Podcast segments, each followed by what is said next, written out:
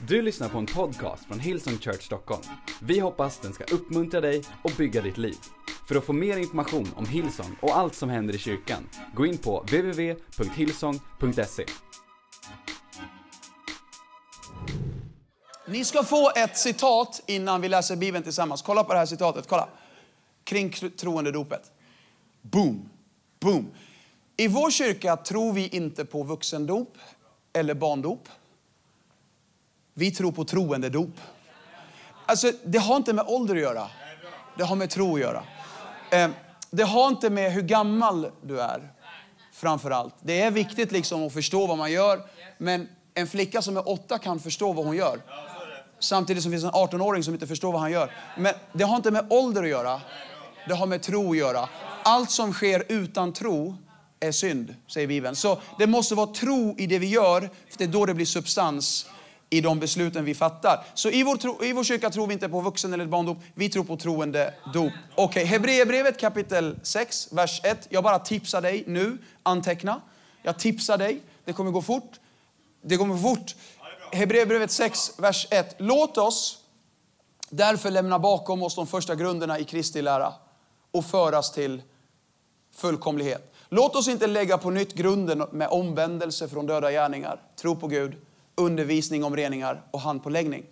Om det dödas uppståndelse och en evig dom. Vers 3. Detta vill vi göra om Gud tillåter. Det här vill vi göra om Gud tillåter. Vers 1 sa så här, låt oss lägga bakom oss de första grunderna i Jesu lära, Kristi lära och föras till fullkomlighet. Ordet fullkomlighet i grekiskan är theliothes, eller typ theliothes, typ. Det betyder att mogna. Att komma till en mognad. Det betyder inte bara att bli liksom helt fullkomlig. Det betyder att komma till en, att utvecklas och att mogna i sin, i sin vandring med Jesus. Att växa, att mogna, att lämna lågstadiet och komma till mellanstadiet. Typ. Att gå från mellanstadiet till högstadiet, från högstadiet till gymnasiet, kanske till och med till universitetet och bli så bright som Simon är. Men eh, det handlar om att utvecklas i sin vandring med Jesus. Att komma vidare i sin relation. Låt oss lägga bakom oss och så säger han sex stycken ämnen som är liksom grundläggande i vår tro. Eh, tro på Gud, eh, omvändelse från döda gärningar. Den tredje var undervisning om reningar. Men kolla hur det står i engelskan. Det är mycket intressant. För Det handlar inte om reningar, det handlar om någonting annat. Kolla hur det står i engelskan. Let us lay aside the doctrine of baptisms. Det står inte reningar. Det handlar inte alltså liksom om att tvätta sig och så här. Det handlar om dop. Och lägg märke till en annan grej. Det står i plural. Baptisms. Reningar, baptism. Det är inte ett dop, det talas i Bibeln om fler än, mer än ett dop. Vi tänker oss troende dop, men Bibeln talar faktiskt om mer än ett dop. Gud vill att du ska se det här, för det har, det har med grunden att göra i tron på Gud. Det har, det har med grunden att göra. Vi vill, låt oss lägga bakom oss grunden så att vi kan komma vidare. Men här står det att dop är en av grunderna i tron. Det stämmer också med det Jesus säger i Matteus 28, 29, nej förlåt, 28 kapitel 28, vers 19 eh, är det. Då står det, gå ut i hela världen och predika för alla människor. Döp dem i Faderns, Sonens och i den helige Andes namn och lär dem att hålla allt jag har sagt er. Kolla, kolla hur det står. Döp dem och sen lär dem. Lärandet kommer efter dopet. Dopet kommer före lärandet. Så det betyder att om du ska gå med Jesus, om du ska ta steget och döpa dig, så förväntar sig inte Gud att du ska ha svart bälte i helighet först. Utan att du börjar med det det enda som krävs från Guds sida, det är att du tror på honom och vill följa honom. Det räcker. Börja med dop och sen kommer lärandet. Sen, då har du lagt grunden och sen kan Gud bygga vidare på den grunden. Grunden är att döpa sig. Det är så många jag träffar som vill så gärna ha alla de här grejerna, russinen ur kakan och vill följa Jesus och vill ha de här grejerna. Men de vill gärna inte döpa sig för det är för jobbigt kulturellt. Eller det är det ena och det andra. Eller så fattar man inte vad det handlar om. Ja, men det är väl inte så viktigt, jag kommer väl ändå till himlen. Det har med grunden att göra. Om inte du lägger rätt grund, då sätter Gud röd flagg på dig. Men det står så här, det här vill vi göra, det vill säga vi vill lägga bakom oss grunden Om Gud tillåter. What? Tillåter inte Gud att alla mognar i tron på Jesus? Det är precis vad det står. Han tillåter inte det om inte grunden är rätt. Och varför tillåter inte han det? Det står, låt oss inte lägga grunden på nytt. Alltså, Gud vill inte göra jobbet igen. Han vill göra rätt från början. Eh, var det fyra år sedan? Jag tror det. Fyra år sedan så byggde jag och Lotta ett, eh, ett hus i Södertälje. Och vi köpte en tomt och vi byggde ett hus. Och, eh, på kommunen där så sa de att vi måste ha en kvalitetsansvarig. Ni som har byggt hus, ni kanske känner till det här. Man måste ha en kvalitetsansvarig som liksom checkar att bygget sker enligt alla regler och såna här grejer. Ehm, och jag minns när vi hade det här mötet med den här kvalitetsansvariga. Jag lejde honom, hittade honom på Google. Och hans jobb var bara att säkerställa att allting sker enligt lagar. Allting sker eh, enligt liksom, eh, ja, regelboken. Liksom. Ja, ja. Så jag anlitade honom, vi träffades och jag minns där vi satt i hans kontor. Så säger han så här, jag kommer komma ut till dig sex gånger. Eh, Okej, okay, sa jag. Eh, vad betyder det? Han kommer till bygget liksom sex gånger och gör liksom, checkar av grejer. Och, och så sa han så här, eh, väldigt intressant. Han sa, fem av de sex gångerna, då kommer jag komma ut när grunden gjuts. Fem gånger handlar om grunden, en gång när allting är klart. Alltså, det bara slog mig. Varför säger han så? Vad, vad, vad är det som är så viktigt att du måste komma fem gånger för en betongplatta? För att, sa han, det där är det viktigaste på hela grejen. Om inte grunden är gjord, då får du inte bygga vidare. Han sa så här. Ah, det är jätte... Oh, ni bak också. Way, det var bra. Way. Ställ dig upp. Det här var till mig. Det var till mig. Okej, okay. kolla. Om inte grunden är rätt, då blir det katastrof. Det spelar ingen roll hur fett, fint huset är, Bose-högtalare, värsta grejerna. Det spelar ingen roll hur fint det är. Om inte grunden är bra, då kommer det bli katastrof. Det spelar ingen roll ens om du har lejon på, på, på tomten, mannen. Det finns, ett, det finns faktiskt ett hus i Södertälje. Det är en kille som skulle göra lejon, men det blev lamadjur istället. Men då, de där, de där polackerna drog så han, ja okej, Okay. ja, whatever, whatever, whatever. Whatever, whatever. Alltså, så här är det. Han sa så här till mig, alltså om grunden inte är bra, då, är det inte, då kommer inte jag sätta röd flagg på det här bygget, utan, utan jag gör det för att jag bryr mig om dig bara. Det är inte att jag ogillar dig, att jag kommer stoppa bygget, utan det är det att jag vill ert bästa. Vet du, Gud vill ditt bästa. Gud vill ditt bästa. Han vill att du ska mogna Jesus. Han vill att du ska växa Jesus. Han vill allt för dig. Han vill föra dig in i fullkomligheten i Kristus. Han vill att du ska mogna och bli jättestark i Gud. Han vill det, men du have to follow the book. Du måste följa ordningen. Grunden är dop. Du kan inte komma vidare om inte du döper dig. Ja, men nu fattar jag varför inte jag växer vidare. Varför det liksom är som en låsning. I, det är för att du behöver göra det bara. Det är jätteviktigt att döpa sig. Vi behöver göra det Bibeln säger. Ja, ja, ja, det var en tjej som vi hade ett samtal och så sa hon, Ja, hon blev jätteglad att komma till kyrkan och så gick hon utanför kyrkan och så hörde hon massa om kyrkan när vi följde upp och skulle ringa henne. Hej, hur känns det nu? Liksom, ah, men du, de säger och de säger om er och de säger om frikyrkan och de säger och de säger. Jag bara, ja, den där de säger. Någon gång ska jag ha en predikan som heter de säger. De säger att ni gör så. De säger att ni tror det. Vet du vad? Bibeln säger, Bibeln säger, Bibeln säger att vi ska döpa oss när vi tror på Jesus. Bibeln säger, jag bryr mig inte om vad folk säger. Det enda jag bryr mig om är vad han säger, vad han tycker och vad hans ord säger. Eller hur? Det spelar ingen roll vad de säger. Det viktiga är vad han säger i boken. Kolla, jag sa att dop står i plural. Det finns mer, mer än ett dop. Eh, Bibeln talar om frälsningen så som ett dop. I första Korinthierbrevet 12.13. i en ande har ni blivit döpta för att höra till en kropp. Det här handlar om att när vi kommer till tro på Jesus, när du bestämmer dig och tror, vet du, du kan bli frälst idag. Du kan bestämma dig och tro på Jesus idag. Och det som händer då andligen, det är att Guds heliga ande doppar dig i Jesus Kristus. Och när han gör det, då tillhör du Kristus. Nu är jag i Kristus. Nu är inte jag utanför Kristus, jag är i Kristus. Jag är Guds rättfärdighet i Kristus. Allt har jag i honom som ger mig kraft. Jag, har, jag är i honom, jag är mer än övervinnare i honom. 180 gånger står det i Bibeln i Kristus. Nu är vi i Kristus. I Kristus, det handlar om att vi som tror är i Kristus. Är du utanför Kristus, då står du på egna ben. På din egen rättfärdighet och den räcker inte. Det som är smutsig klädnad står inför Gud. Men när vi är i Kristus, då har vi hans rättfärdighet, hans fullkomlighet. Är du med? Det är det första. Det andra, dop, det, är det, det är det vi tänker är dop, liksom, tro, troende dop. Det är det vi ser. Det är när det här första blir synligt utåt, fysiskt. Det som har hänt i mig syns nu utåt. Är du med? Och då är det en, en Jesu lärjunge som doppar i vatten, i vanligt vatten. Och det är för att liksom symbolisera Jesu begravning och uppståndelse.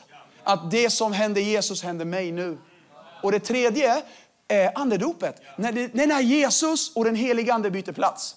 Först var det den helige ande som doppade dig i Kristus. Nu byter de plats. Nu är det Kristus som doppar dig i ande. Och det som händer då, det är att du fylls av hans kraft. Och nu kan du göra vad Jesus själv gjorde.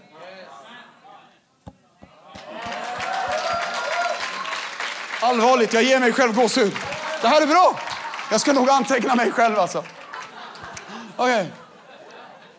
Men jag vill fokusera troendedopet, det här andra, det där som är i vatten och varför det är så viktigt. Och hela min bok handlar om det här. Petrus liknar troendedopet vid Noas flod. Paulus liknar det vid Röda havet. Ehm, första Petrus 3, vers 20. Kolla vad det står. Då säger han att det är som Noaks ark. Ser du Noaks ark? Första Petrus 3, vers 20. Kan jag få den versen? I Noas ark blev några få, åtta personer frälsta genom vatten. Visst är det intressant? Vers 21. Efter denna förebild frälser dopet också er. Alltså han tar bilden av Noas ark, Noas flod, att det här är som dopet. Hela gamla testamentet är skuggbilder på vad som sen skulle uppenbaras i Nya Testamentet. Alla de här berättelserna kan appliceras i en andlig mening i Nya Testamentet. Noas ark är en bild på dop enligt vår förfader Petrus. Visst är det häftigt? För kolla, i Noas ark togs Noas familj från en gammal skapelse till en ny. Eller hur? I Noas ark så, så, tar, så togs de åtta personer till en ny skapelse. Det gamla var förbi, en ny skapelse har kommit. Floden är en bild på domen. Floden kommer i, utanför arken kommer du aldrig klara dig. I arken, arken är Jesus. I Jesus kommer du alltid klara dig. Visst är det bra? Så i arken klarar vi oss. Utanför arken, utanför Jesus kommer vi aldrig klara oss. Det finns bara en väg, det finns bara en sanning, bara ett liv och det är i Jesus, Johannes 14.6. Du kommer aldrig klara dig. Du kommer aldrig klara dig på meriter eller, eller filosofer eller Dr. Phil eller, eller, eller religioner. Du kommer bara klara dig om du är i Jesus. Du kan aldrig förlita dig på dina egna prestationer utan på hans prestation som han gjorde på korset genom sin son Jesus. Kristus. I arken kommer du på ett tryggt sätt komma till en ny skapelse, ett annorlunda liv, ett nytt liv i Jesus. Men utanför arken kommer du aldrig klara dig. Det här är en förebild för dop. Paulus tar bilden av Röda havet. Första, nu, nu ångrar några av er. Varför antecknar inte jag? jag? Eh, kolla! Jag varnar dig. Ja, okay eh, eh, första Korinthierbrevet 10. Vet du vad jag har tro för? Minst 10 av er ska signa upp för dop idag. Minst. För nästa söndag har vi dop och jag vill bara ladda upp för det här. Det är lite jobbigt att, att det blir så många här idag för att jag vill ju slå er i Södra. Men eh, så är det. Det viktiga är att du döper dig. Come on. Första Korinthierbrevet 10.1. Våra fäder var under månskyn och alla gick genom havet. Alltså Röda havet. Alla blev i molnskyn och i havet döpta till Moses. Det här betyder inte att alla fick heta Moses nu. Hej Moses! Hej Moses! Tjejerna fick heta Moses. Hej Moses! Moses! Nej, jag skojar. Det var inte det. De blev alla döpta till Moses betyder i, i vår kontext, de blev alla döpta till Kristus. För deras Moses var deras typ av Messias. Han var inte Messias, men han, det var den typen av Messias. De följde ju redan Moses innan havet. De var skyddade av blodet. Det kom, det kom en hemsk attack. Och alla barn dog. Och men de som hade blod, lammets blod över dörrarna, de var skyddade. Så de var skyddade trots att de var i fel land, liksom i fel ställe. De var skyddade och läste att, att du är frälst. Är du frälst? Är du frälst? Du tillhör Jesus, rövaren på korset, kommer till himlen. Du behöver inte liksom döpa dig för att komma till, Du behöver inte det där. Men, men, men, men. Ska du bli helt befriad från farao behövde de gå genom havet. Och lyssna, dopet är samma sak för oss. Du tillhör Jesus. Men du behöver gå genom vattnet för att komma till en ny skapelse, för att lämna farao. Och, och, nu är Moses deras herre, nu är Kristus våran herre. Vi är under hans lagar, hans regler. Vi lever inte av lag längre, vi lever av nåd nu. Oh mannen, you didn't see this coming did ya? Okay. Men det här är bra. Röda havet är en bild på dopet. Så länge de var på andra sidan vattnet, då kunde farao komma åt dem. Men så fort de korsade vattnet, då kunde inte farao längre komma åt dem. Och, jag har ett citat som är ganska saftigt, men jag vill att du ska se det och jag tror ni får den i screenen. Lyssna. Vad Röda havet är för judar i relation till farao, det är dopet för kristna i relation till Satan. Jag säger det en gång till. Röda havet är för judarna i relation till farao, deras gamla liv, deras gamla herre, deras slavdrivare. Det är dopet för kristna i sin relation till det gamla livet, Egypten, det som var den gamla farsan. Nu har jag en ny farsa. Och han är Gud, han är Jesus. Okay. Så det gamla livet har blivit begravt. Nu förlorar synden sitt herravälde över mig. Jag har inga obligations längre till det gamla livet. Jag är på rätt sida av vattnet. Jag är out of reach från det gamla livet. Visst är det bra? Hebreerbrevet 10.29. I tron gick folket genom Röda havet på torrmark. Som på torrmark. Men när egyptierna försökte, då dränktes de. Alltså, Gud delar vattnet. Det står att han fryste vid sin näsa och vattnet delades. Abbo, tänk om han hade liksom gjort något annat.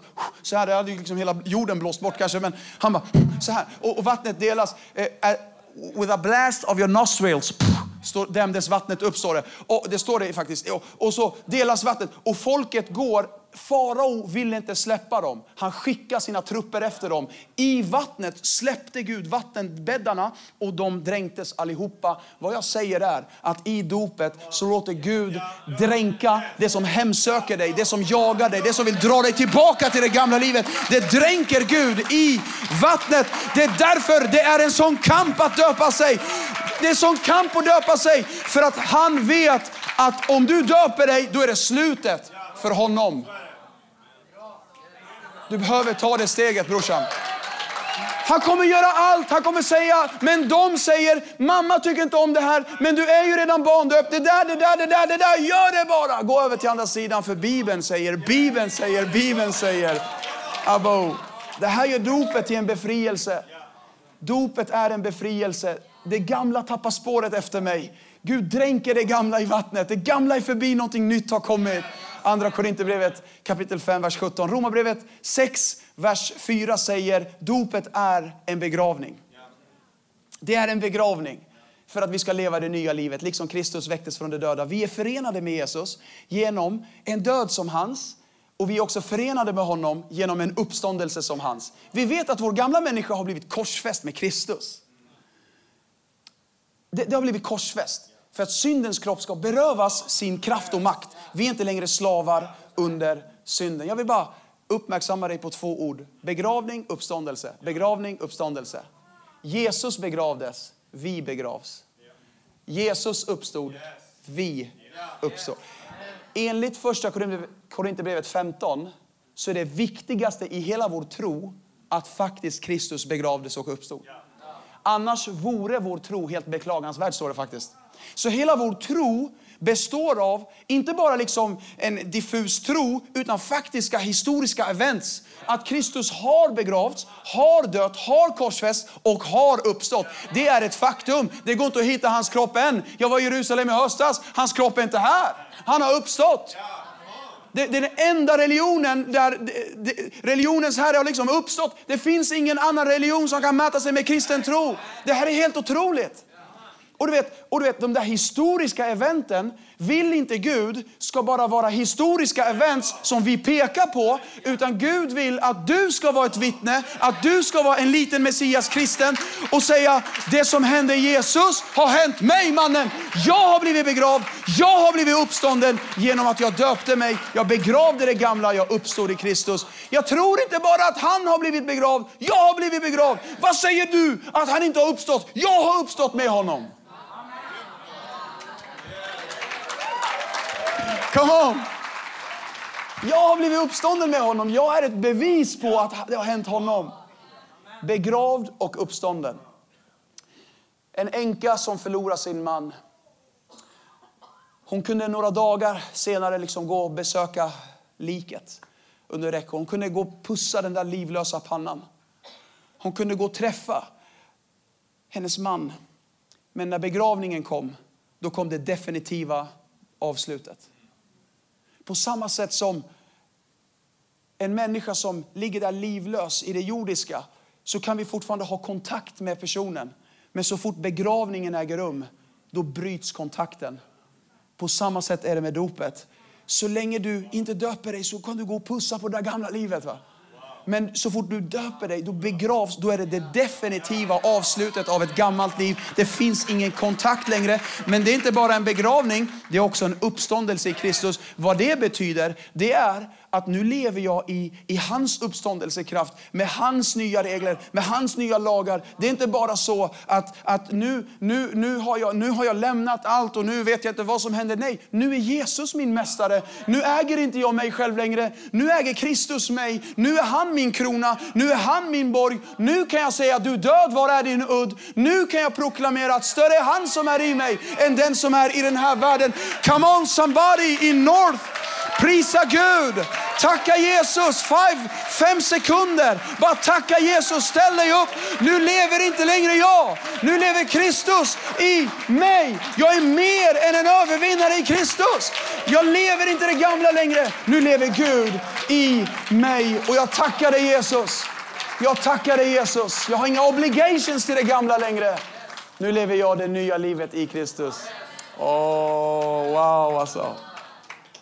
Dopet är också en uppståndelse. Vi är förenade med honom genom en uppståndelse. Nu får ni sätta er by the way. Vi är förenade med honom genom en uppståndelse som hans. När Jesus uppstod, då kunde inte längre Kajafas och våldsmännen röra Jesus. Han var out of reach för dem. Han gick genom väggar. Han, fick en ny, han var ny. Han var en ny skapelse. Han besegrade döden.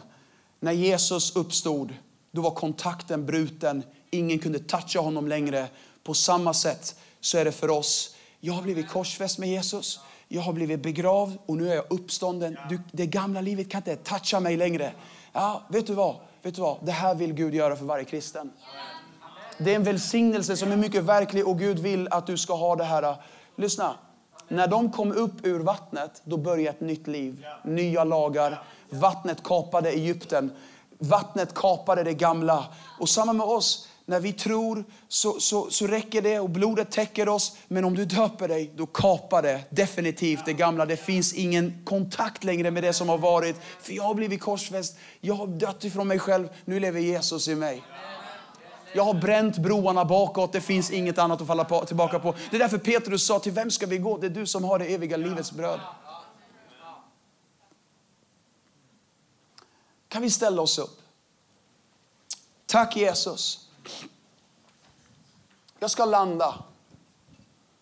Men innan jag gör det så vill jag läsa ett bibelord. Jag vill visa dig någonting. Kan vi, kan vi få upp worship team? Uh, det, det, finns en vers i Bibeln som jag alltid tyckt har varit svår när det gäller dop. Och, och en dag visade Gud mig det. Jag bara, bara såg det. Jag bara, oh my God, jag har aldrig tänkt på det här.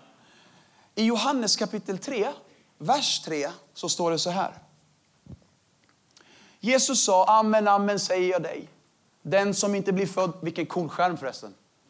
Kan jag sno den? Jag vill ha den i södra. Abo. Okej, okay, vi läser. Eh, amen säger jag dig. Den som inte blir född på nytt kan inte se Guds rike. Kan inte se Guds rike. Jag var så nyfiken en dag på det där och jag läste det där. Och jag läste det i grundtexten och jag fann det att Guds rike är samma ord som det är i Lukas 17. Det är inte Guds rike, alltså himlen. Det är Guds rike här och nu. För Jesus sa i Lukas 17, Guds rike är i er. Alltså här och nu. Himlen här och nu. Nu är Guds rike här. För jag är här, säger Jesus. Så Guds rike är i er. Vad Guds rike betyder där, det är, det är med andra ord det övervinnande livet med Jesus här på jorden. Guds rike i engelskan är the King's Dominion. Ehm, Guds rike, the King's Dominion. När någon blir frälst, då kliver den personen in i Guds Dominion. Det betyder att jag är i Guds herravälde, jag är i Guds område, Guds territorium. Jag är i hans herravälde, in, in his dominion. När jag blev frälst, när jag var 17 år gammal, jag sa ja till Jesus, då klev jag in i Guds dominion. Men lyssna, det står att om man inte blir frälst kan man, kan man inte se. Det vill säga, om du blir frälst, om du säger ja till Jesus, då ser du the Kings dominion. Jag ser det övervinnande livet i Jesus. Jag ser det och jag vill ha det. Gud, jag vill ha det. Jag vill gå in i det. Jag står vid dörren och jag vill bara sukta efter det. Men lyssna, vers 5 säger så här. Kolla vers 5. Amen säger jag dig. Den som inte blir född av vatten och ande kan inte komma in. Oh my God. Revelation.com om du blir frälst, då kommer du se det. Du kommer sukta efter det. Jag vill ha det, jag vill ha det. Jag ser det hos alla andra, vilket böneliv de har, vilken grej. Jag vill ha det. Gud, jag vill också ha det. Gud, jag vill också bli en man efter ditt hjärta. Gud, jag vill ha det. Men lyssna, om inte du blir född av vatten och ande, då kommer du aldrig komma in genom dörren. Det är som att Gud säger så här, va? Du blir frälst. Jag ser det nu. Jag ser. Någon drar bort en gardin och jag ser det övervinnande livet i Kristus. Jag vill ha det. Men du kommer inte komma in i det om inte du blir född av vatten, dop i vatten och ande, dop i helig ande. Jag vill, jag vill bara peppa dig. Är du inte döpt, då ser du det. Men om du döper dig, då kommer du kunna kliva in i det.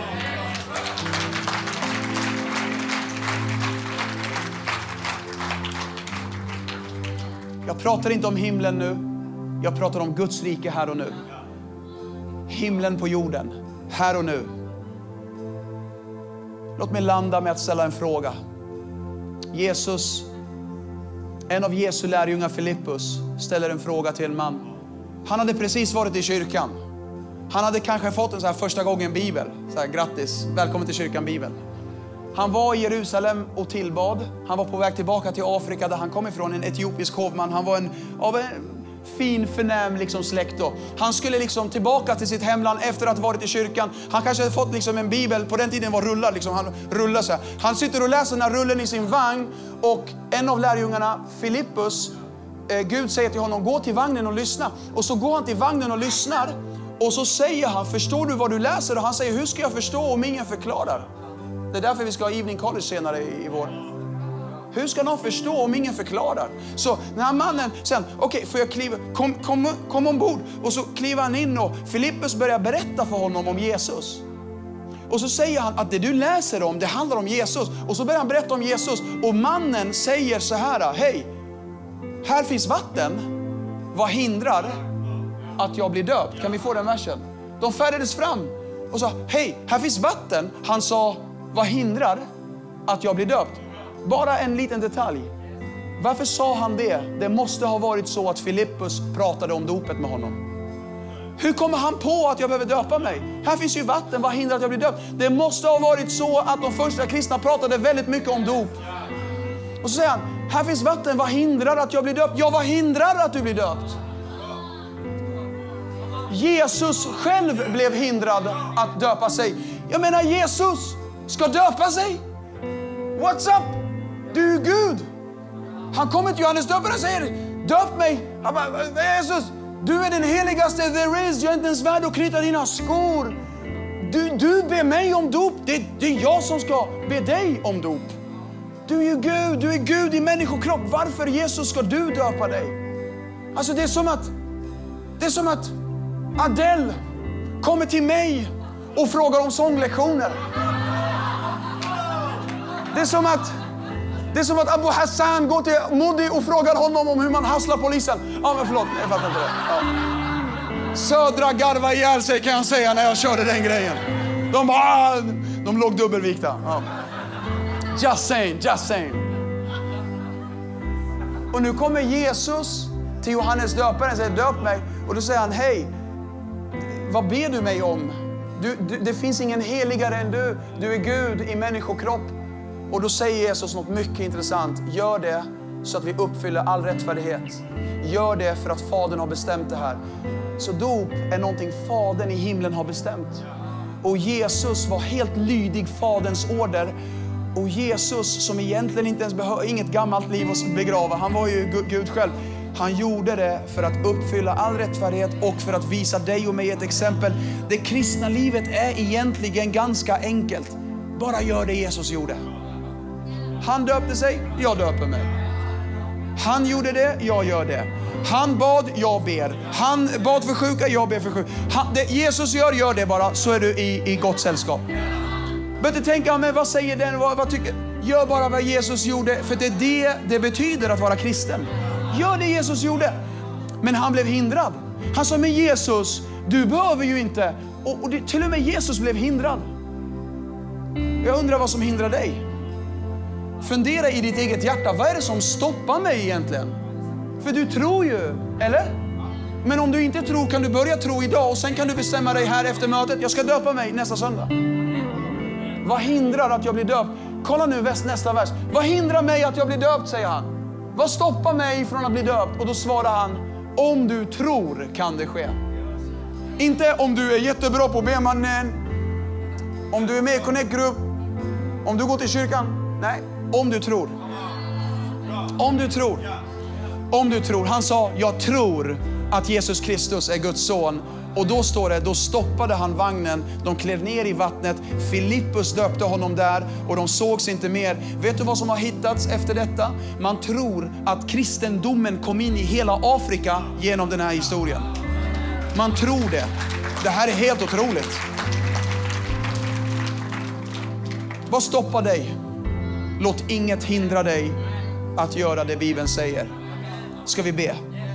Vår Fader, vi tackar dig att du gör det inte krångligt för oss, utan du gör det enkelt för oss. Och jag bara ber att den här saken ska lägga sig på plats i våra hjärtan.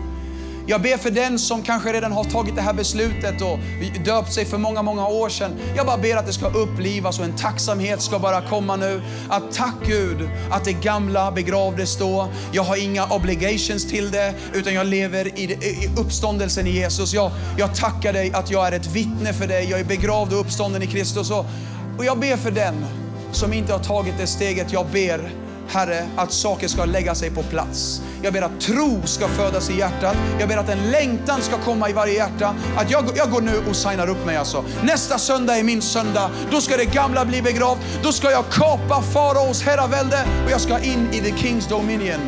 Jag ska inte bara se det och sukta efter det, jag ska in i det. I Jesu namn.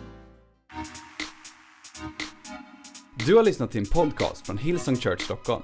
Om du vill veta mer om vår kyrka eller om våra söndagsmöten, surfa in på www.hillsong.se.